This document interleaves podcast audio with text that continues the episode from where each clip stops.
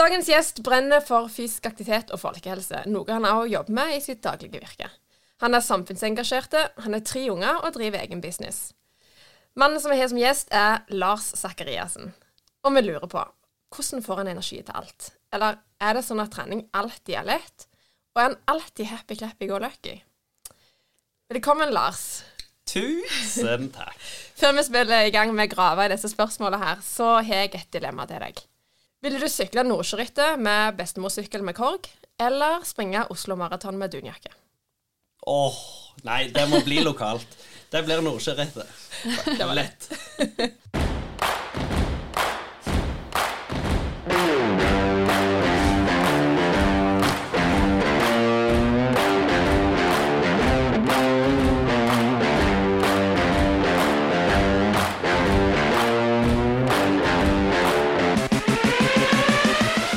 Da var vi i gang, Da var vi i gang. og du kom i kjent stil, eh, blid og fornøyd inn dørene her.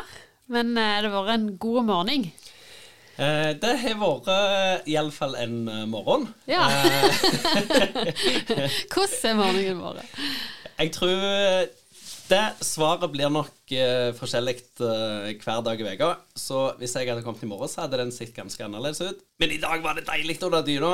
Alarmen ringte, den første av 16, uh, ringte kvart på sju. Så du er en snuser, altså? Jeg er rett og slett eh, en snuser. eh, litt avhengig av eh, hva som skjer. Men vi var i Manchester i helga, og da reiste vi bort seint, og så kom vi hjem seint. Og så har av en eller annen grunn ungene bare sovet og sovet og sovet. og sovet. Så det er jo egentlig vekkerklokka mi, ungene, som kommer springende eh, på morgenen. Og det syns jeg er veldig uh, kos og stas. Men når de ikke står opp, da er det lett å bli liggende.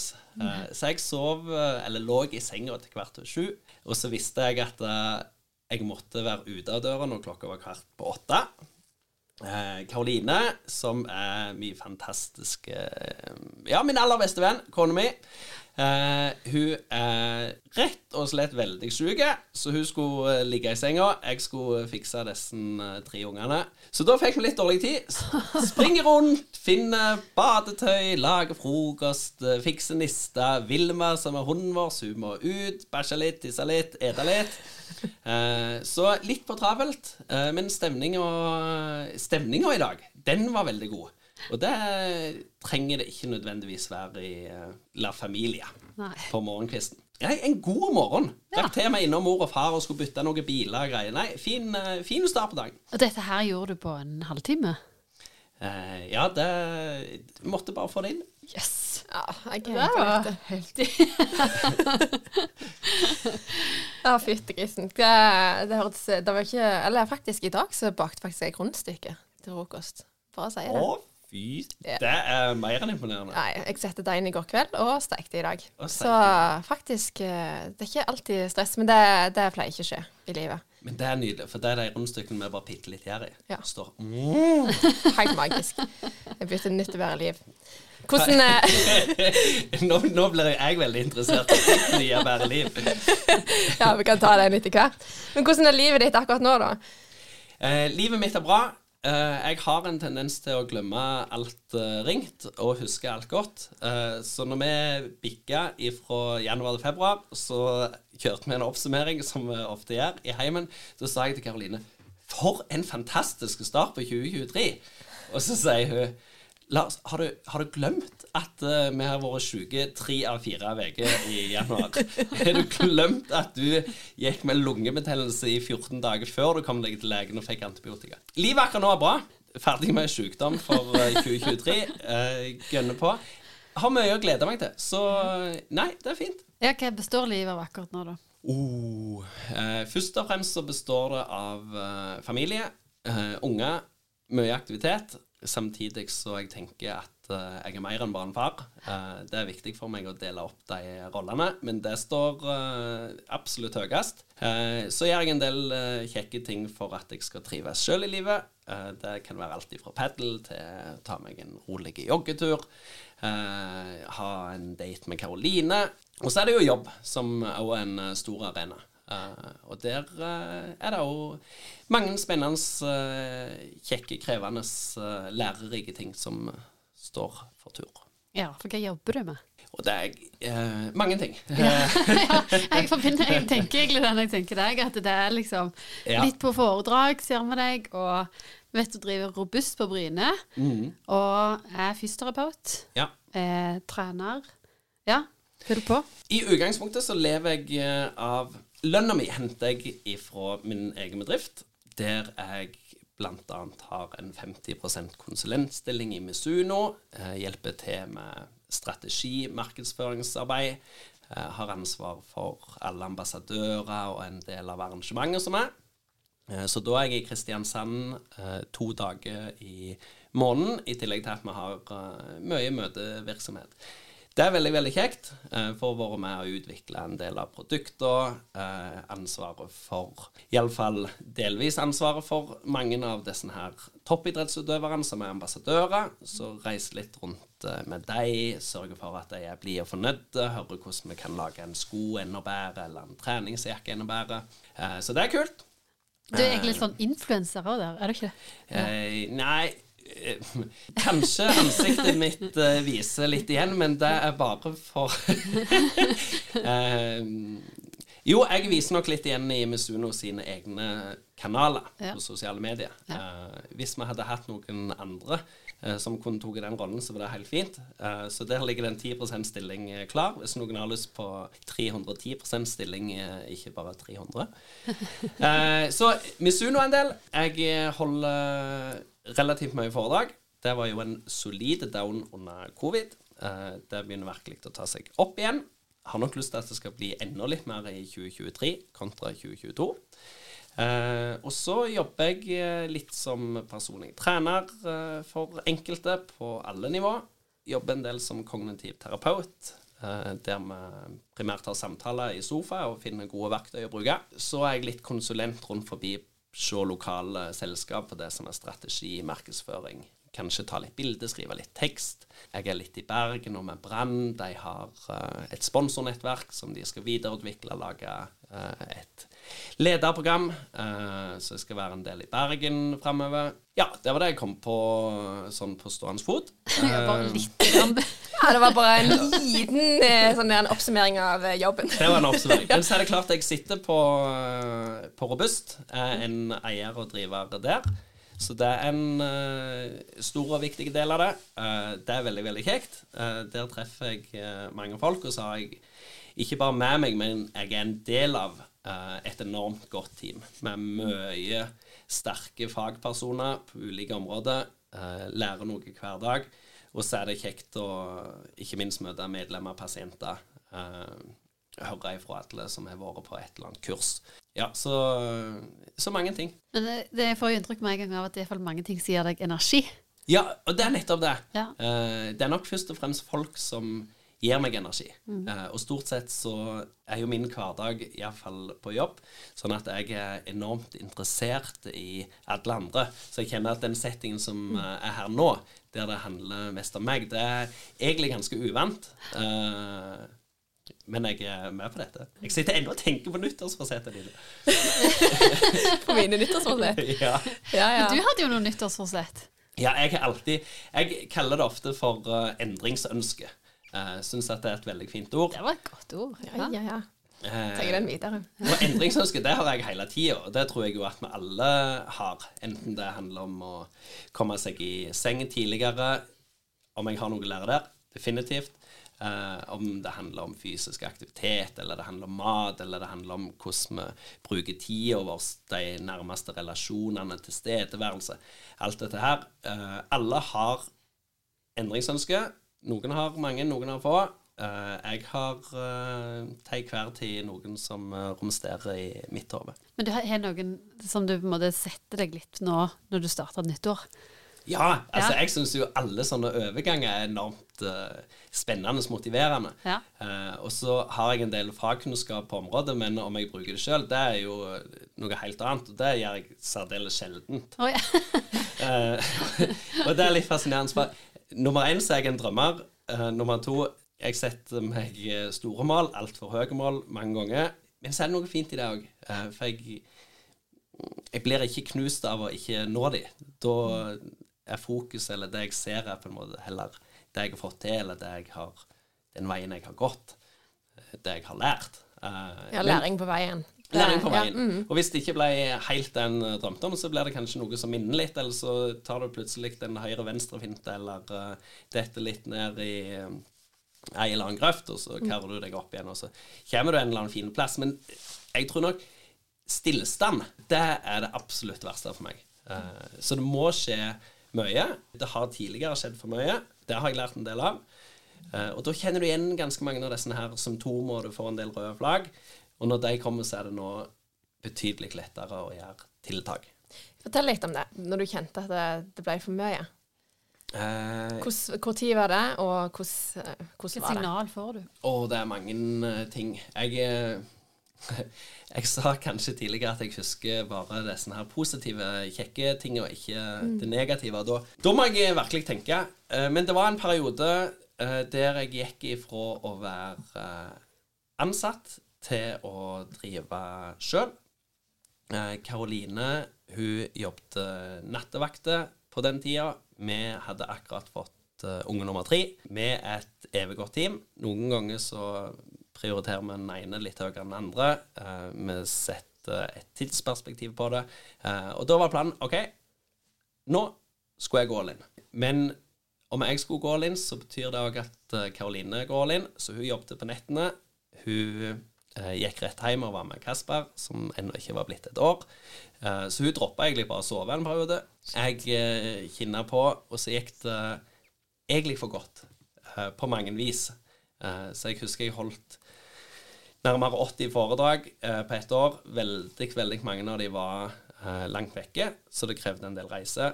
Og så er det klart at når du har unger og du har hus, så eh, kjenner du veldig på et økonomisk ansvar òg. Jeg eh, er god på en del ting i livet. Eh, en av de tingene som har vært utfordrende, er å si nei. Eh, så jeg sa ja, ja, ja, ja, ja til absolutt alt. Ungene var mye syke. Totalen ble for stor. Jeg var holdt et foredrag i Oslo for Sats. Da kjente jeg meg etterpå helt tomme.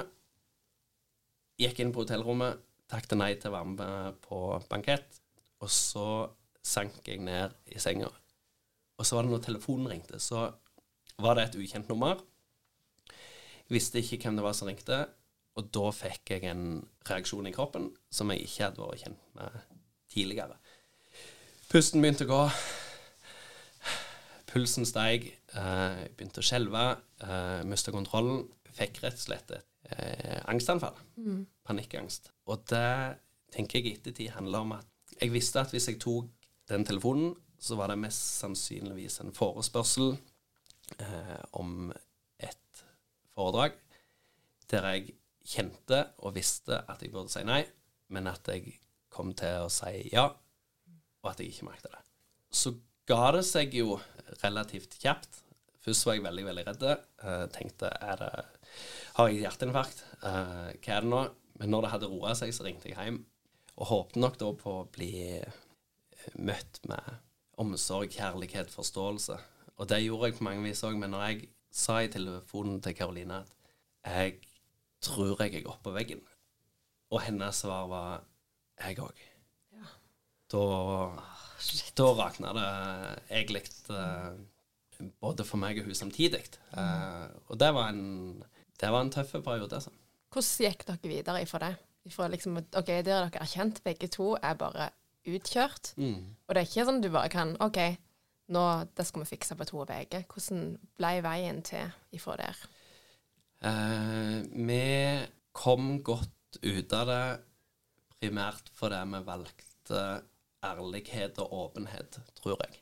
Vi var veldig tydelige overfor de som vi har aller nærmest, som også gjorde at vi ble møtt med forståelse og kampvilje. Hjelp. Vi spurte om hjelp, og når vi spurte om hjelp, så fikk vi hjelp. Mye hjelp. Vi fikk hjelp av familie eh, til. Det var jo det vi var reddest for. At vi ikke skulle kunne Vet ikke om jeg skal si ta vare på, men iallfall uh, følge ungene opp på den måten vi ønsker. Eh, vi fikk hjelp av eh, Helse-Norge med fastleger og, og alt som er. Eh, vi fikk hjelp av venner, vi fikk hjelp av naboer. Eh, de var der. Eh, de stilte opp. Og så stilte de òg opp på en måte som gjorde at det var veldig lett å ta imot hjelp. For da sa de at nå er det vår tur eh, til å hjelpe dere. Eh, og det er veldig fint. Hvordan, hvordan gjorde de det i praksis? Hvordan så det ut? Aktiverte, engasjerte ungene.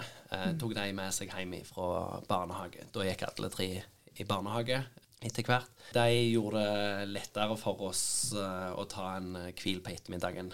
uh, I tillegg til at vi og gjorde veldig mange tiltak sjøl. Var åpne med alle samarbeidspartnere i forbindelse med jobb. De sa hvis du nå hadde vært ansatt, så hadde du vært sykemeldt. Uh, bruk den tida du trenger. Dette finner vi ut av. Vi hadde enormt mange runder uh, med hva som er viktig for oss i livet. Hva vi vil ha i livet. Hva som gir krefter, hva som tar krefter. Eh, hva som gir glede, hva som er sprekkende i livskvalitetskroppen vår. Eh, så da kvitta vi oss begge med en hel del ting, og så hadde vi fokus på de tingene som vi trodde kunne hjelpe oss. Eh, og det var noe gode folk. Noe var å rusle en god tur, samtidig som vi òg lærte enormt mye om kommunikasjon eh, oss imellom. Eh, For det En ting er at vi alltid har lyst til å hjelpe. Nå var det kanskje ikke alltid krefter eller muligheter for det, men om vi hadde noe, så trengs det òg tydelighet fra den andre parten uh, med å formidle hva hjelpen faktisk vil ha. Jeg tror jeg ser Jeg jobber veldig mye med uh, pårørende òg. Uh, og det en ofte ser, er at eh, pårørende som kun handler ut ifra omsorg og kjærlighet, allikevel kan gi en type hjelp som skaper en del frustrasjon, irritasjon, gnisninger. Og det er så synd. For en ønsker jo bare å hjelpe. Eh, allikevel så blir en et irritasjonsmoment i hjelpa si. Men da ligger egentlig ansvaret på den syke, eller se pasienten sjøl, der han eller hun må bli bedre i kommunikasjon på å si hvis du vil hjelpe meg i dag, da gjør du dette. I dag hadde det vært veldig fint om du kunne gjort sånn. Jeg kjenner at bam, bam, bam. Av og til så tenker jeg om at en kanskje mm, Ikke nødvendigvis med å ha vært gjennom en smell, men det der med å vite hva du faktisk trenger. At det er kanskje der òg eh, altså, For når dere sto midt oppi dette, tenker du at du hadde forutsetninger for å faktisk vite for hva du skulle si til den andre? Eh, Nå kokte det jo Altså Ja, det kokte greit uh, alle veier. Ja. Uh, altså, det, og det er jo litt det at du, du blir stående selv om det er mange rundt, og selv om du lever sammen med noen som du er uendelig glad i og kun vil godt, så, eh, så står du òg i en krise sjøl.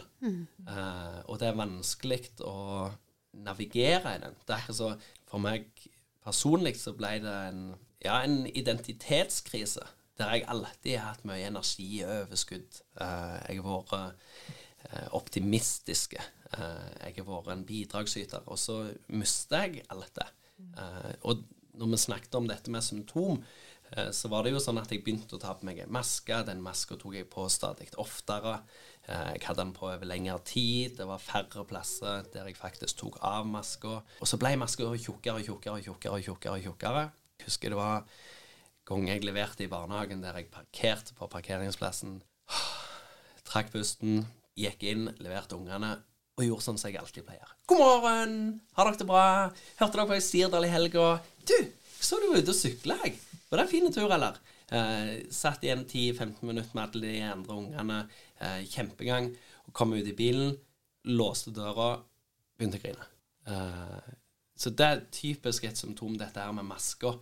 Og jeg er veldig opptatt av sjøl eh, å kanskje snu på det spørsmålet, for vi stiller ofte folk spørsmål der vi spør Du, når tar du på deg maska? Men jeg tror vi skal begynne i andre enden, så skal vi spørre når tar du av deg maska? Hvor er du da? Hvem er det rundt? Det gir en del gode svar, eh, som er et godt utgangspunkt for mange gode samtaler. Jeg syns dette er en veldig, veldig sterk historie, Lars. Og det, vi er jo berørt eh, alle her. Eh, fordi at det er, det er liksom ned i Det er virkelig ned i materien, og så er det en stor kontrast for deg å ha med i det du gjør videre, fra det du sier, det, det rokker med identiteten din. Mm. Og så er det. Men jeg tenker, men når det gjelder maske, hvorfor må vi ha maske på oss, da? I det hele tatt. Føler du Jeg nå at at du det- går at du tar av og på masker ennå? Eh, ja, Ja. det gjør jeg nok til en viss grad. Og det tror jeg vi skal gjøre. Ja. Eh, jeg eh, er en enorm forkjemper for ærlighet, åpenhet, tydelighet. Mm. De tre tingene der, superviktige. Samtidig så eh, er det skummelt å si at alle skal til enhver tid gå rundt uten ei maske. Eh, jobber du i en butikk, jeg på robust trening og fysioterapi, det kommer inn en kunde, jeg har stått opp på fullstendig feil fot, eller det er et eller annet som bare er drit. For det er klart at det er livet, det skjer. Eh, men vi må ta sammen. Altså fake it till you make it. Så maska skal vi ta på, eh, Ja. men vi skal være veldig bevisste på eh, hvor tid vi tar den på, hvorfor vi tar den på, hvor tid vi tar den av. Og det skumle er jo når vi virkelig begynner å ta denne maska på ofte, ha den på over lang tid, Ja. og avstand mellom det vi kjenner oss som, og det vi presenterer oss som, når den avstanden blir for stor, da er det kanskje noe vi skal gjøre noe med. Det var lurt sagt. Ja. Jeg ser den. Det, det, er, som du sier, det er noe med å være profesjonelle, eller at vi har ulike hatter i løpet av dagen, og Ja. forholde oss til det. Samtidig så, altså dette her med annerledeshet, å være seg sjøl og våge å stå i seg sjøl, vise seg sjøl, det er superkult. Annerledeshet er definitivt en styrke, sjøl om det nok for litt for mange kjennes som en svakhet. Det er jo litt sånn forskjell på liksom, som du sier med, ok, på med masker, en ting er jo det, men det er noe med å legge litt filter på hva du formidler og sier. Ja. For hvis du er den som alltid kommer på jobb og bare å, vilt drit morgen.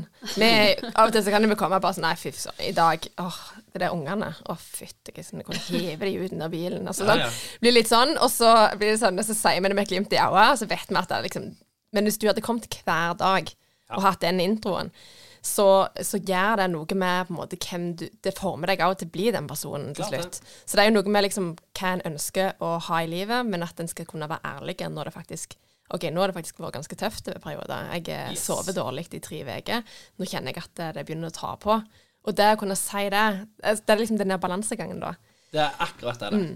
Og sånn som dere også bare kjente, nå, nå er vi gått på en smell. Det trenger jo ikke bli en smell, men jeg tror jo mange kan kjenne seg igjen i at det, OK, hverdagen bare suser og går, og så glemmer vi å se hverandre, og så til slutt så bare blir vi litt sånn numne. Ja. ja, helt klart. Uh, og det er litt Jeg vil at, og jeg er opptatt av at folk skal få velge uh, sin egen måte å leve livet på. Sin egen livsførsel.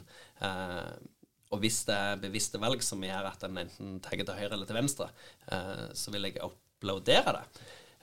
Men det er hvis en havner inn i en sånn tralt der en mer tar veldig mange ubevisste valg, og så får han et veldig slørete blikk, får det ikke med seg, og havner inn i noe som uh, tar lengre tid eller er vanskelig å komme seg ut av. Da er det synd. Så hvis vi klarer å heve denne bevisstheten litt, ta en fot i bakken, heve perspektivet, se ting litt ovenfra, så tror jeg at uh, det kommer veldig mye godt ut av det. Samtidig som vi ikke skal gjøre det vanskeligere enn det. Altså dette her er ikke noe som en trenger tenne på noe røkelse og dempe belysningen og ha noe yogamusikk eh, for å gjøre. Det kan være eh, en to minutter søndagskveld i sofaen. Men du sa i forhold til med deg og Karoline, da, når dere gikk på en smell og var langt nede og sånn, dere klarte ikke helt å se kanskje mer enn dere sjøl i perioder der.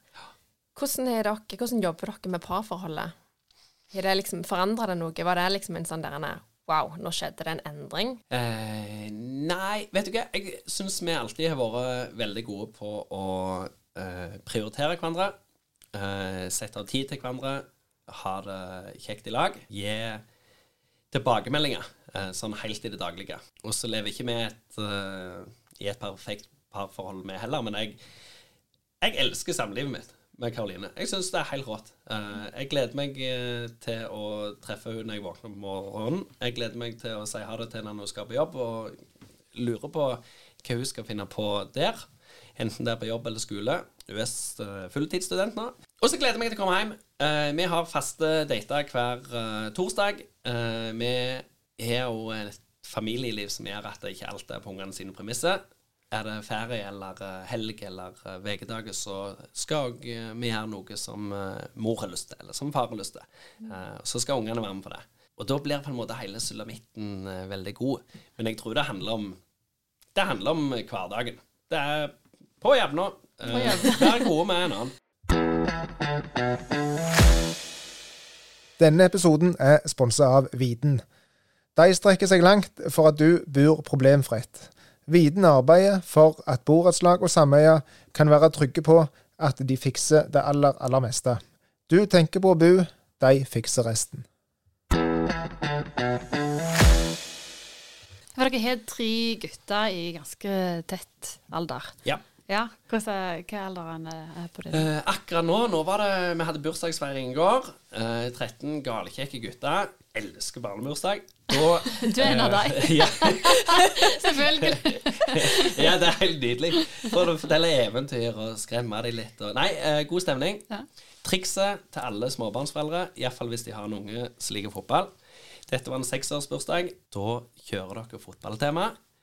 For da er det sånn at i fotballbursdager, da må det òg være en fotballdommer. Og en fotballdommer, han har fløyte. Så det vil si at hvis det er litt mye lyd, eller du skal gi en beskjed eller sånn, så blåser du i fløyta. Og så sier du 'Samling!' Tre, to, én Og det funker enormt godt.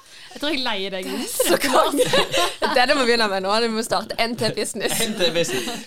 Eh, nå har jeg helt glemt hva vi snakket om. Det var godt tips uansett. Vi snakket om alder, så det er Ja, en seksåring. ja. her. ja. Eh, Seks, sju og ni. ja. Ja. Eh, så det er halvannet år imellom de to yngste, og så er det ca. to år imellom de to eldste. det er bånn gass. Ja, I forhold til liksom dette med, med trening, da, som går inn på dette med unger. Um, nå sa du jo litt om at dere skal gjøre litt på både mor og far sine premiss og ungene sine premiss. Hva er tanker, eller har dere en filosofi om dette med å skape aktivitet for ungene? Uh, jeg vet ikke om Jo, det blir sikkert en filosofi, men jeg tenker at det er ting som kommer helt naturlig. Altså, vi har alltid vært veldig, veldig mye ute. Eh, jeg er sjøl vokst opp med at eh, er det helg, så går vi på tur. Eh, er på hytta, eller er det ferie, så er ikke det Sydenlivet sånn, men da er det enten hytte til hyttetur i den norske fjellheimen, eller så tar vi en båt over til Danmark, og så sykler vi fra hostell til hostell. Så det er litt det jeg er vokst opp med, og så er ikke det alt som er likt, men vi, vi liker å være aktive, og så er det klart at det er noe med skjermer nå til dags og sånn, så vi har et eh, bevisst forhold til skjermtid. Ja, så du debatten Hvilken debatt? eh, i denne uka, eller nei, forrige uke, mener jeg. Det var Jeg sa egentlig denne uka, men det blir jo neste uke at jeg får si forrige uke nå. Men debatt om skjermbruk. Eh, det, er jeg litt usikker på om det, jeg har fått med meg akkurat den, men jeg tenker at hele En del av livet mitt, det er skjermdebatten. Eh, så der eh, har jeg nok en del eh, meninger om det. og en forkjemper Ja, fyr, for- fyr løs. Ja. Eh, nei, jeg tenker Se oss. eh, og vi er virkelig ikke sånn nazi. Jeg tror at hele oppveksten til ungene har vært eh, ganske avbalanserte. Vi har ikke lyst til å blande oss i for mye. Vi har lyst til at de skal få utforske, at de skal prøve feile, at de skal få vondt, at de skal knekke en arm. Eh, jeg har alltid ei greie som sier at hvis ungene finner på en aktivitet, og det gjør de hele tida, eh, ser jeg at det kan ende med eh, døden. Niks, no go. Dette gjør vi ikke. Eh, tenk deg om eh, før du prøver på noe som minner om dette. Eh, kan det ende med en brekt arm, brekt fot? Kjør på. Gå all nuts. Men vi har typisk en heim uten eh, PlayStation, uten iPader, annet enn læringsbretter. Og det er kanskje det som eh, bobler mest i meg, dette med skole og læringsrett, og hvordan vi forholder oss til dem og bruker dem. Men eh, vi har en stor, stor kjeller. Der er det en airtag, så de kan hoppe på og bygge alt de vil. Det er to små fotballmål, så de enten spiller fotball på, innebandy Altså all, absolutt alt som kan utkonkurrere skjerm, det vil jeg ha.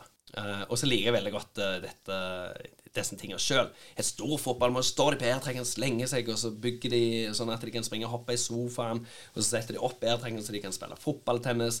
Eh, så kan de spille bordtennis eh, en plass, og så, eh, så klarer de ti minutter før det er en som hylgriner eh, for et eller annet skjedd. Men så tenker jeg da, da løser vi den konflikten der, eh, og så prøver vi igjen. Og så er det veldig kjekt, for vi ser ganske tydelig at det er mange av kompisene til ungene som velger å være med på det som skjer. Eh, og så er dørene alltid åpne, og så blir det veldig koselig. Uh, og det Nå er jeg fotballtrener òg for uh, det som det går an å være fotballtrener for. Og da blir du kjent med alle ungene på, på veldig godt vis, og foreldrene og Å nei, jeg elsker det. Hva var det vi snakket om? Skjerm, skjerm, skjerm!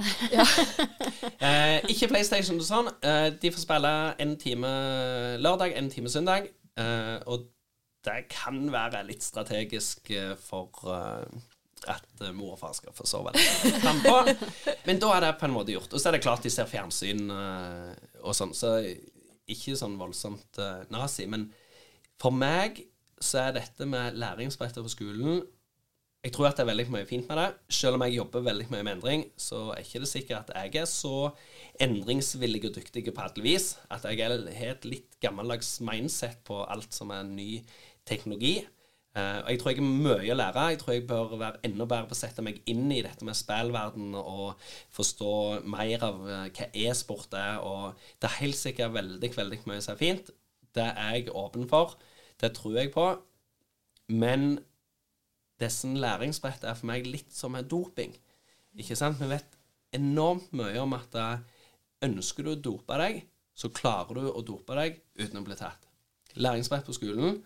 Eh, lærerne, ledelsen på skolen, tror at dette er et læringsbrett, men det er den perfekte spillmaskinen. Altså, de klarer å hacke dem og komme inn på nettsider og eh, bruke dem akkurat som de ønsker. Eh, så ungene ligger på en måte ett eller to hakk framfor hele tida. Og så tror jeg at eh, på, på Tu skole, som by the way er en fantastisk skole med fantastisk lærer, en fantastisk rektor, ikke et uh, vondt ord, men uh, belønningssystem, Uh, det tror jeg er noe som vi skal være gode på å diskutere. Altså Enten det handler om trening, og så skal vi belønnes med sjokolade. Ikke at det er noe dumt i det, men hva er det som avgjør, bestemmer, hvordan vi skal belønne oss? For vi har en tendens til hele tida tenke at vi fortjener noe. Det er veldig lett å finne en grunn til at en fortjener et eller annet. Og hva er det da vi fortjener? Hva er det vi belønner oss med? Og hvis vi på skolen skal belønne atferd eller oppførsel eller andre ting eh, med spilling, og det forekommer, så vil jeg iallfall at vi skal ta en diskusjon på hva er det som gjør at vi velger det. Hva valgte vi før? Hva kan vi velge? Hva er egentlig alternativet? Og hvorfor? Hvordan påvirker det oss? Eh, For jeg ser det er lett at eh, det kan være fotballspillere på fotballaget til ungene mine der min opplevelse, det kan veldig godt være jeg tar feil, er at hvis du går på fotballtrening, skal du få lov til å spille en time etterpå. Eh, og da er spilling belønning. Og hvis spilling hele tiden blir belønning, så forteller vi ungene hele tida at spilling er uh, nesten enda kjekkere, er enda finere ja. etter det. Eh, så der er jeg med på. Og så er det klart det er skjermtid. Jo, du tenker på den NRK-artikkelen, du. Ja, NRK-artikkelen, men de kjørte en debatt rett etterpå. For det var jo han eh, eh, Nikolai Astrup, Ja, ja, vet du. Nå er vi Så det, det, du er jo helt i denne gata, så det var litt overraskende at du ikke fikk med deg. For du sier jo egentlig veldig mye av det som på en måte den motparten sa. Altså de som ikke vil ha så mye skjerm i skole. Ja. Og jeg, jeg, jeg føler det jo 100 Bare sånn, Jeg tror kanskje at det, det blir litt sånn ubevisst bruk. Vi bare, vi bare blir som vi bare, Det bare kommer mer og mer og mer, og så Mm. følger vi bare trenden uten at noen stiller spørsmål med hvorfor. Ja. Det er så ubevisst. Ja, ja. Det er Bruk. nettopp. Ja. nettopp. Og litt dette her med ehm, Det er mange som ser fjernsyn, serier, når det er lunsj.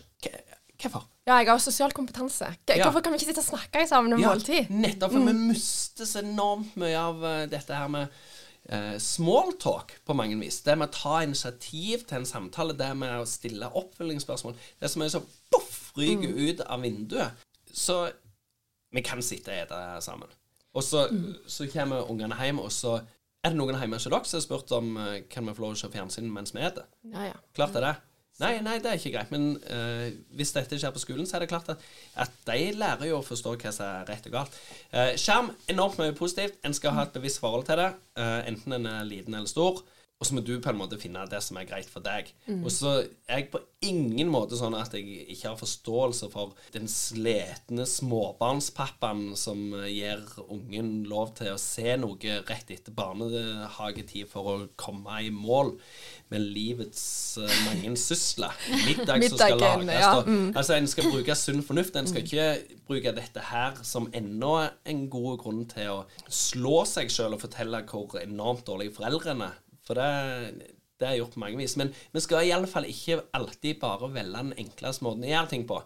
For merker vi at vi gjør ting bare for å gjøre det enkelt, da tenker jeg ofte at da gjør vi et eller annet som er feil. Og det var jo det vi egentlig begynte med. liksom, Har dere en filosofi i forhold til ungene? Og det blir jo på en måte gjennomsyra med disse tankene som du har. Og det er litt sånn det med å lage kjellerstova. Her er det herjerom. Kjør på. Og eh, vi har hatt det bare med har treningsrom, så har vi sånn ringer der. Og ungene kommer inn på besøk, og så er det sånn Nei, jeg har ikke lyst til å gå ut, for hun har lyst til å være inne og turne. Så jeg bare sånn, OK, kom inn. Og de kan jo holde på i to timer i de der turnringene. er. Helt konge. Det er jo turntrening. Hadde de gått på turn en gang i uka, kontra her kommer de hver dag og holder på. De får dritgod trening. Ja, og så elsker de det. Ja. Og det er bare liksom prøve å tenke at en ikke skal Når vennene er samla, at de kan gjøre andre ting. Jeg tror det er bare å være litt bevisst rundt det. Det trenger ikke være noe sånn Å, du er løk som gjør det. Men jeg tror bare vi ikke alltid tenker over hvordan ting er bare blitt. Det bare ble sånn. Det ble Ja, det Fifa i to timer, liksom. Ja. Og sånn, sånn det merker vi nok uh, på mange vis, men at en uh, har Oi, nå har det Fy sånn, nå har det sklidd ut. Altså, shit. Og så merker en på konsekvensen av det, og så sier OK, nå tar vi sammen. Lager vi nye regler. Kanskje vi til og med skriver det, henger det opp. Eh, så forteller vi ungene at eh, jo, nå skal du være med og bidra med dette. Du skal gå tur med Vilma, du skal ta det oppvaskmaskinen, du skal lage middag den dagen i uka, du skal være den som panter flasker. Eh, mange ting. Støvsuging osv. Men så glir det litt ut hvis en ikke klarer å være helt på. Og at det er vanskelig å være på til hver tid. Selvfølgelig er det det. Eh, men klarer vi å ta det Jo tidligere vi klarer å ta det, jo enklere er det. Uh, Slipper vi å ta de store kampene, så blir det heller en del små. Men ja, unger og filosofi Jeg tenker prøve, feile, lære. Det er lov å kjede seg. Det er lov til å gå på ei blemme. Uh, igjen tilbake til dette med åpenhet, tydelighet, uh, ærlighet. At en alltid kan komme uansett. At alt er greit. At alle reaksjoner er naturlige reaksjoner. Ikke at en skal gå rundt og oppføre seg som en drittsekk, men at en skal møte med forståelse. At en skal gå over brua og komme over til deg. Eh, og så kan en heller lirke og lure få de med seg over på si side, hvis det er fornuftig. Men eh, jeg tenker det må være greit, selv om det òg er vanskelig. Og så trenger ikke unger få det helt sånn som de vil. Unger trenger ikke alltid være sånn nesten kvalmende smitte. Unger trenger ikke alltid være varme. Unger trenger ikke alltid være tørre. Uh, unger trenger ikke alltid bli stimulert. Jeg tenker at uh, mye av læringa er å uh, stadig ta mer ansvar. Eh, og jeg tenker at eh, det gjør en ikke hvis en ikke kjenner på svult. Hvis en ikke kjenner at Å, fy søren så kaldt. Eh, jeg tror jeg tar på meg utebuksen neste gang. Eh, Jeg hørte hun Anita Krohn Traaseth, som jeg av. hun, sa, jeg, sa det i sånn Mamma jobber-podkast. Der er det jo litt sånn hvordan, hvordan du gjør dette med unger. Og da sa hun det sånn Jeg, eh, jeg tenker at unger har godt av å gå litt for lut og kaldt vann. Det blir selvstendige mennesker. Og eh, det og at det er liksom greit å kjede seg av og til. At det, det, det er sunt. For jeg tror du kan få en forventning senere i livet om at det liksom alltid skal være kjekt, og det skal alltid skje noe. Og, sant? At når du da skal begynne å fasilitere ditt eget liv, eh, hva står du da igjen med?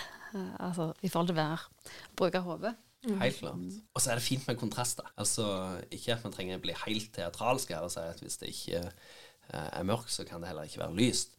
Eh, men det er noe i det. Altså, Vi trenger de kontrastene for å kjenne på. Ja, og det er jo noe du er altså, I forhold til kontraster, så er det jo det du har kjent litt på sjøl. Altså, hvordan gjør du livet nå, da, når du er også kjent på det med å være Der du sa ja mye før, hvor bevisst er du i forhold til tida di, og hvor du fyller, og hvor du tapper akkurat nå? Jeg, er, jeg vil si jeg er veldig bevisst. Jeg vil ikke si at jeg er utlært i det med å si eh, nei, men jeg kjenner veldig, veldig godt at det å si nei til andre ofte er et ja for meg sjøl. Og så er det klart at når du blir eldre, eh, har vært igjennom erfart med å ha stått i flere situasjoner, så tar du med deg mye erfaringskunnskap. Eh, så det, det er lettere nå å være tydeligere. Eh, det er lettere å gå imot, og det er lettere å verne om seg og sine på en annen måte.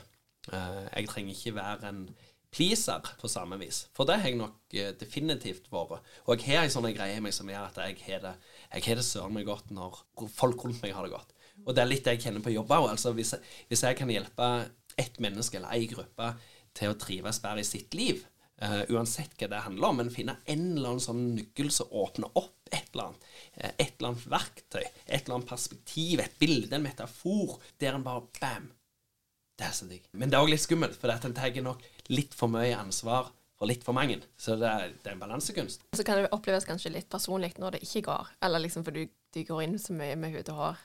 Ja, Ja. helt klart.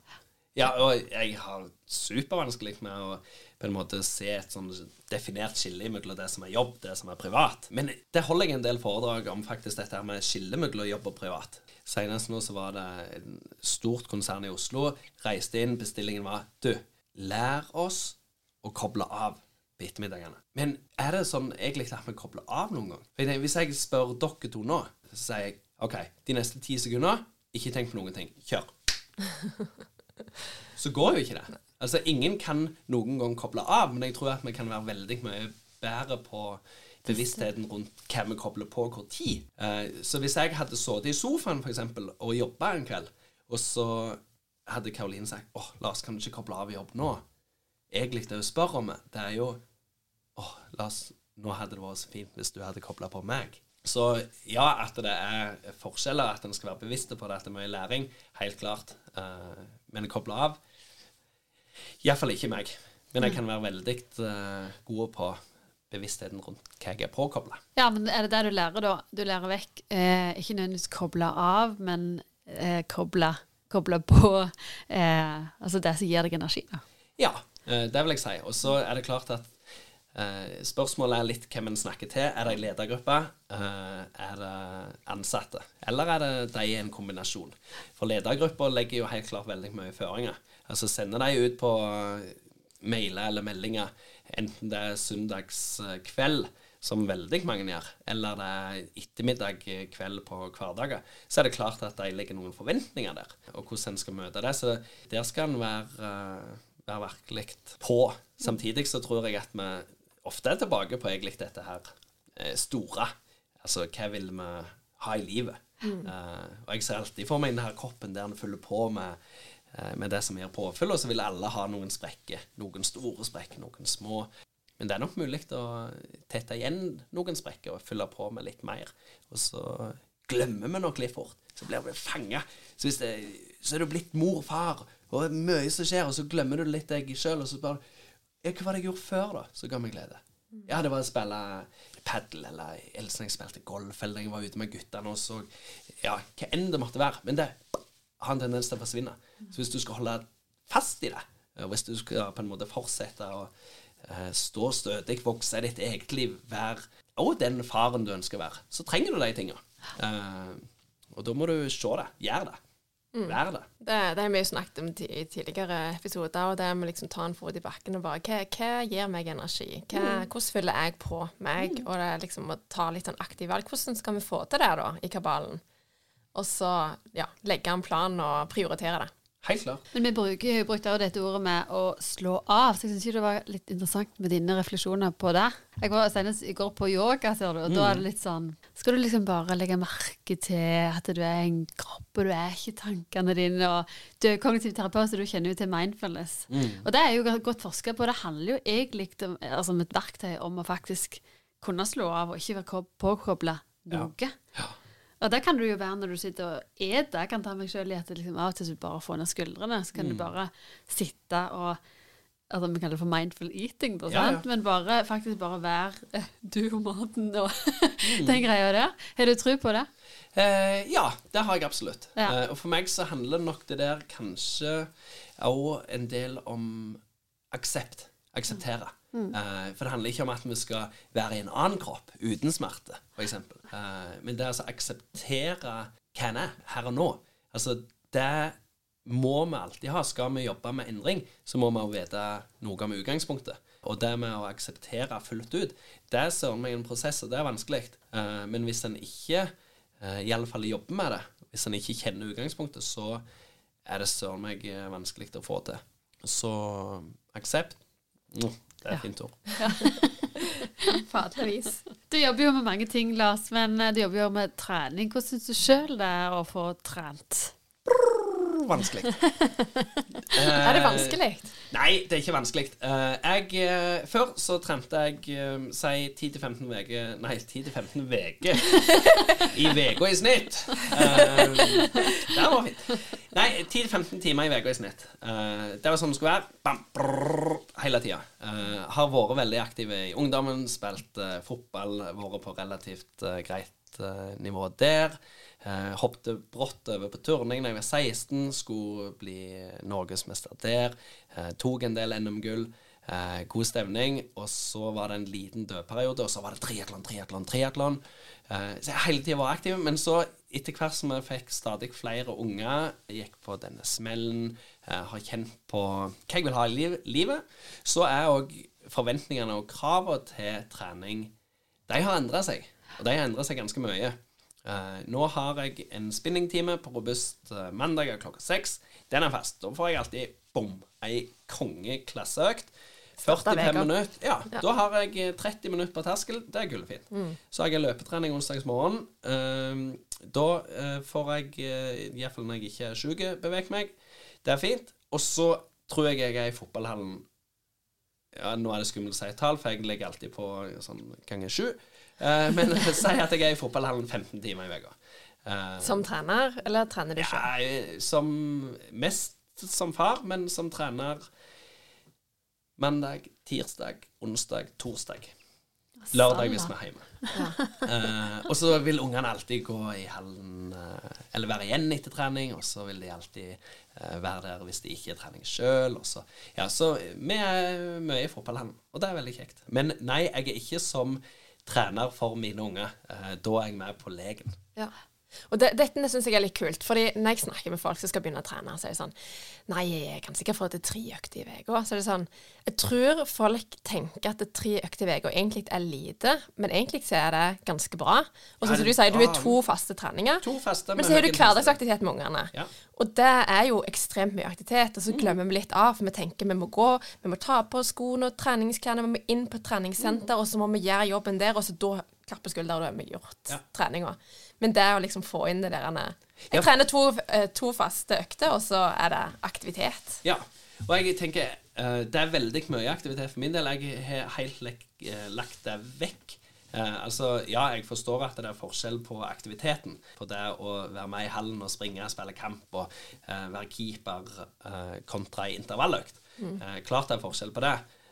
Men for meg, for at jeg skal trives, så gjør jeg det sånn som det er nå. Jeg vet at det er mer enn godt nok for helsa. Og så er det nesten tullete, men jeg, jeg har mellom 20 000 og 30 000 steg hver dag. Uansett. Ja. Eh, Ja, det er jo mer enn eh, gjennomsnittet. sånn. ja, det er akkurat det. Ja. Men, det Men du er jo bevisst, eller du er jo bevisst valget. ja, det. men allikevel så er det de to treningsøktene. Mm. Uh, styrketrening får du ikke det. Klarer du ikke. Hater det. Å ja, du hater det faktisk. Ja, det er iallfall ikke langt tilbake. Nei. For det er derfor jeg tok det der dilemmaet med utholdenhet. For jeg var inne på Instagram-feeden din Ja. vet du, og så jeg var sånn Her er det mye ny sykkel og nye løpesko med Suno. Jeg så jo alt det der greiene der. Tenkte sånn, ja, han er, han er frelst for utholdenhet. Men det er det som er greia, da. Eh, Og ja. sport.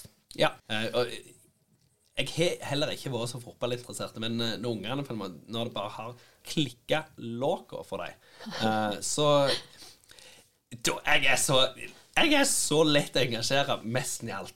Så nå, altså, Vi var i England nå i helga, så fotballkamp. Jeg er Hør her, Manchester United, ja. Å, meg, altså, jeg, jeg går så inn i det. Og så tenker jeg, Om jeg ikke tenker at jeg skal bli verdens beste barnefotballtrener, så er det søren ikke langt ifra. Da finner jeg all litteratur, og så snakker jeg opp og ned i mente, så springer jeg rundt der med på fotballtreninger til de som er eldre, og hører på deres erfaringer. Og så eh, Åh, det er så konge, det. ja, så syns jeg det er så mye læring i det. Ja. Altså, Hver eneste trening så eh, Ja, jeg tror at ungene er det kjekt, jeg tror de lærer noe, men fy søren, jeg lærer mest. Jeg lærer så mye av alle de situasjonene som er. Alle måtene jeg eh, gir en tilbakemelding på, eller forteller om en oppgave på. Bare ballene. Hvis jeg sier 'Gutta!' og så sier jeg 'Nå skal vi', og så sier jeg et eller annet, sier at alle bare springer og finner baller, og så står jeg der igjen og så tenker Nei, Hvorfor sa du det må først? Nei, jeg må det! Jeg har bare Vent, vent, vent! Ja. Turntrening. Ikke ta, ikke ta erteposene ennå! Jeg skal bare fortelle ferdig først. Det er sånn, åh, ja. Stemmer. Men det er helt eh, konge. Ja, syns, eh, det syns jeg er veldig, veldig veldig kjekt. Og så er det klart det skaper òg ekstremt mye frustrasjon. Mm. Og det sånn er jo livet. Altså, for meg, livet er enormt kjekt, men det er òg mye som frustrerer. Mm. Og det er, ofte så er det litt det samme. Eh, jeg bryr meg aldri noen gang om forutsetninger eh, eller nivå. Altså hvor gode en er i ferdighet. Jeg hater å måle på det. Eh, og en skal søren meg være bevisst på hvilke måleparametere en faktisk går inn og ser på, hvilke måleredskap en bruker, uansett hva det er. Enten det handler om at eh, en skal begynne å være mer aktiv, eller det handler om fotball. Eh, og det Men vi står igjen alltid med innsats. Vi står igjen med innsats, og den vil jeg skal være god. Den vil jeg skal være god rundt meg på jobb. Alle har enorme krav til meg sjøl på det som handler om innsats, uh, uansett hva det er. Eh, og det har jeg nok av og til andre. Uh, og det kan nok gjøre meg uh, litt irriterende. Uh, for jeg har lyst til å motivere til det, men jeg har òg en forventning om at vet du hva, vi gjør så godt som vi kan. Eh, og så kan vi ikke gjøre det på padlearena, så vi må fordele ut kreftene, helt klart.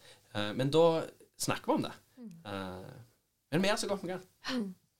Ja, det der med når du er egentlig engasjert, så blir du engasjert på andre sine vegne. Ja, klart det blir Jeg kan ikke forstå hvorfor ikke nei. Ja. Det er det samme pagen. Ja, det, det er klart det, det er utfordrende, men du er vel også type leder eh, oppi dette, eller er det Hvordan har dere fordelt det på Robust? Eh, ja, det er Altså, på Robust er vi gode venner. Uh, vi er tydelige. Jeg, eh, rent sånn formelt så ble jeg litt i tvil nå. Jeg lurer på om jeg er styreleder. Nei, vi jobber 100 ja. som team. Eh, det er helt sikkert. Men at det er klart det begynner å bli en organisasjon som vokser, med eh, en nytt senter og klinikk på Sandnes. Det er stadig flere som jobber der. Eh, så det er flere ting. Eh, og det er jo lærerikt. Mm. det, jeg syns akkurat det der, den reisen har vært kjekk å, å se, se deg, fordi jeg vet at dere er stor Dere har jo Altså, det er ikke bare sklidd eh, rundt her, eh, for det har jo vært Nei, ganske det tøff start. Dere skulle, når dere skulle starte Jeg husker det, når dere skulle starte på Bryne, Mm. så ble det nedstenging eh, Korona. i hele landet. Ja. Ja, vi skulle åpne dagen etter landet ble stengt. Ja. Og er det sant? Herligen. Så det, nei, vi har absolutt eh, møtt mye motstand. Og det er klart at hvis vi nå skulle gjort det en gang til Herlighet, vi hadde gjort mye annerledes. Ja. Å, fy søren, så det både teite og dumme og løgne og løke vi har vært. Eh, samtidig har vi gjort alt med beste intensjoner. Ja. Vi har gjort det med 100 innsats. Eh, Og lært sjukt mye. lært vanvittig mye. Ja. Og så tror jeg vi står igjen med altså, eh, fagligheten. Altså, det er de beste fysioterapeutene eh, som er oppdriva på denne kanten av landet. Ja, ja, det må jo du si. Ja. Nei, men det, det er iallfall enormt dyktige folk som hele tida kurser seg, utvikler seg. Idretts- og skadetelefon. Kom, eh, kjør på. Um, så det er på en måte fagligheten, enten det handler om eh, behandling eller det handler om uh, trening, eh, den er viktig. Den må være viktig. Og så tror jeg resten primært handler om hva som er innenfor veggene. Hvem som er der. Hvordan vi møter folk. Eh, handler alltid om folk. vi snakker. Det handler alltid om folk. Alltid. Mm. Og det er det fine som finnes, og det verste som finnes. Ja. For når det handler om folk, så blir det òg tilfeldig. Og når det blir tilfeldig, så blir det urettferdig. Og når det er urettferdig, så er det dritt. Ja, det er kan avslutte der. Nei, men det, ja, det er jo det. Det er alltid hvem, hvem du møter. Og så kan du møte liksom som du sier, du kan møte deg på en dårlig dag, men da må du være profesjonell i det. Og ja. Men det er klart, altså, det er jo hva lærer vi har. Hva trener vi har. Uh, og vi har søren heller ikke valgt foreldrene våre. Altså, det er så mange uh, ting der. Og det handler om folk. Har du en driver, en som virkelig elsker det, er så indre motivert som det er mulig å bli, får med seg folk og bedrifter Det handler gjennom penger, men penger handler gjennom folk. folk. Altså, ett menneske kan gjøre så mye, og jeg tenker vi har ei superkraft eh, i oss. Og den må vi bruke på den måten vi sjøl finner det best. Ja, menneskelige ressurser er vel egentlig det, det, det, det som er gullet. Det er gullet. Ja. Hva er drømmene og ambisjonene for framtida, både i familieliv og jobb? Er, er det sånn, du, du sier jo det at du hiver ut store mål. Er det noen eh, klare mål? Eh, bap, bap. Eh, bygde en terrasse for første gang i livet i sommer. Jeg tenkte, Nå gikk jeg gjennom. Skal vi gjøre noe med huset? Nei! Vi har det mer enn fint. Eh, så kom jeg på den terrassen, så kjente jeg ble litt stolt. Jeg har lagd en terrasse! Du kan starte sånn ni-ti for hjemmet. Det ser jo av fjernsynet, og alle hyler og skriker for det. Så Lars, bygg huset med Lars. Bygg hus med Lars. Nei, der uh, er jeg ikke spesielt god, men vi har et uh, stort og kjekt hus som eh, er mer enn fint nok. Eh, noen hadde sikkert opp badet, noen eh, gang sånn. Eh, mer enn godt nok. Klasse. Konge. Eh, drømmer. Jeg har lyst til å holde flere foredrag i 2023. Eh, jeg har lyst til å bli enda bedre på å holde foredrag. Eh, jeg lurer litt på om jeg og Marit Bjørgen eller Birgit Skarstein, eventuelt uh, Vaux, Emilie Næring, eh, om vi skal ha en liten foredragsturné. God gjeng. Det er noe som jeg går og tenker litt på. Og så jeg òg en sånn liten drøm som er skummel, og det er at når jeg jobba snart i ti år som kognitiv terapeut, og med på mange fantastiske reiser med folk som enten er gått litt på veggen, eller som har depresjon, angst, et vanskelig forhold til mat og trening og kropp. Eh, jeg har lyst til å holde et foredrag som tar folk med på innsida av det. Altså hva har ikke jeg nødvendigvis lært, men hva har jeg møtt, hva har jeg sett, hva tenker jeg er overførbart til mange andre sitt liv. Jeg tror jo det er sånne her ting som jeg treffer i jobbsammenheng, eh, de er det mange som har vært i. Uh, og så er det veldig mange som heller ikke får uh, hjelp, eller som kanskje sjøl ikke våger klare uh, innse at jeg har et problem. Så det har jeg litt lyst til. Syns alltid det er dritskummelt å sette opp noe sjøl her lokalt, for da tenker jeg at da kommer naboen, da kommer de som jeg møter på butikken, da, og så blir det en sånn snakkis, og hvis det går galt, så sier de han der Lars Herre min, han tror han er noe, og han leverer ikke. Og aldri vært borti en dårligere uh, det, Er du så kritisk til deg sjøl? Ja, jeg er enormt ja. ja. sjølkritisk. Så sjølkritisk, ja. Optimistisk allikevel. Det er en sånn enormt merkelig kombinasjon. Ja. Men før så var jeg sånn når jeg holdt foredrag, og noen tok opp telefonen, så tenkte jeg nei! Jeg er dårlig til å holde foredrag. Hat! Men nå Kan du bare skrive det på dopaminavhengighet? Ja. Helt sikkert. Ja. uh, nei, så det er en drøm å sette opp noe her uh, sjøl, og at det blir ei fin greie. Jeg har lyst til at Robust skal bli enda mer robust. Jeg har lyst å reise på en kjærestetur. Håper jeg får penger igjen på skatten. uh, nei, jeg vil at vi skal være gode med hverandre i 2023. Uh, og så har jeg ingen sånn helt spesifikke store mål i mitt eget liv, men jeg, jeg har lyst til å bli bedre på de tingene som er viktige for meg. Ja, det er helt klart. Du er, du er en god plass, uh, kan høres ut som. Men ja. jeg vet, uh, vi spurte på vei inn her om du skulle ha en Pepsi Max. ja. du, du, hadde et nyttårsforsett rundt det? Ja, vi havna nok Eller vi havna nok. Vi havna på Pepsi Max-kjøret. drakk og drakk og drakk og drakk. For ikke bare det, men jeg havna òg på et sånn Red Bull-kjør. Eh, for det var en gang eh, jeg var altså var så trøtt for et foredrag, så tenkte jeg nei, vi prøver det der Pep nei, uh, Red Bull-greiene. Drakk den. Og så Da hadde jeg heller ikke begynt å drikke kaffe, for det begynte jeg med nå nylig. Og det ble jo så sjukt. Altså brrr, ble helt crazy. Holdt tidenes foredrag. Bare dang, dang, dang, kom hjem, beste hele huset. Bretta alle klærne. bare bam, bam, bam, bam, bam, bam, bam, bam. Tenk han på en Red Bull. Ja. eh, og så ble det en god opplevelse. Så tenkte jeg hver gang jeg skal gjøre noe viktig, jeg skal ta en Red Bull. Så eh, ble jo terskelen redusert hele tiden for hva som oh. jeg tenkte var viktig. Så I starten var det bare foredrag, så var det viktig møte. Eh, og så var det hvis jeg skulle ta en viktig telefon, og så var det hvis jeg skulle lage en viktig middag. Og så, altså, jeg kjente meg så igjen. Jeg var sånn Bare når jeg var trøtt, og så var jeg jo trøtt på jobb nå. Og så var det liksom uh, før treningsøkta. Ja. Og så ble det jo litt av det, og så blir du avhengig. Helt forferdelig. Ja. ja, for det er klart vi så altså All informasjon vi har tilgjengelig, den bruker vi jo på akkurat den måten vi vil, for å det. understøtte det som vi sjøl ønsker, den handlingen. Uh, og da jeg husker jeg ringte en kompis og uh, uh, forska mye på akkurat dette med hvordan det påvirker idrettslige prestasjoner, mm -hmm. og hvor mye du skal ha. Bare, ja, du må jo ha en boks. Det funker ikke med en kopp kaffe. Nei, klart du må ha en uh, boks med Red Bull før du skal ta deg en helt rolig ti uh, kilometer rundt Eller ned til Frøylandsvatnet en søndagskveld. Ja, ja, ja.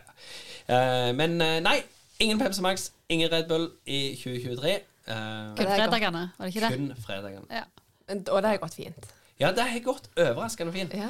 Eh, hadde nok ei uke der jeg hadde evig vondt i hodet. Eh, Men du drikker kaffe når du er blitt så voksen at ja, det og det er det videre. Eller Ja. sånn De sier babykaffe, for det er noe melk i noen greier. Eh, men kaffe er helt rått. Ja. Ja, nå er Jeg har ikke fått til det. Det er forferdelig. Jeg det smaker så deg. Det er jo så kos. Ja. Ja, jeg tror du kan komme der, altså. Det er håp. Hvor gammel er du? Jeg, Du blir så ja, jeg, er gammel. 30, jeg er 35. Jeg tror jeg er 35. OK. Ja. Da har jeg noen år igjen. 87. Ja, Ja. jeg er 90. Hvis du nettopp lærte det, så har jeg tre år på meg. Da. Ja, ja, for Det kan være. Det er håp, altså. Det er håp. Ja, ja, ja. Vi har noen faste spørsmål til deg. Hvis du vant eh, 50 millioner i Lotto, hva ville du brukt dem på?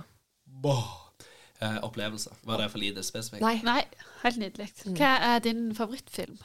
Det må bli eh, Nå ser jeg bare for meg dansene og sangene. Hva er? Eh, The Greatest Showman. Ja. Altså, det er eh, Koffein er én ting, men å se The, Gre eh, The Greatest Showman, da blir jeg helt vill. Altså, da begynner jeg å drømme. Da setter jeg meg mål. Da finner jeg ut alt jeg skal gjøre.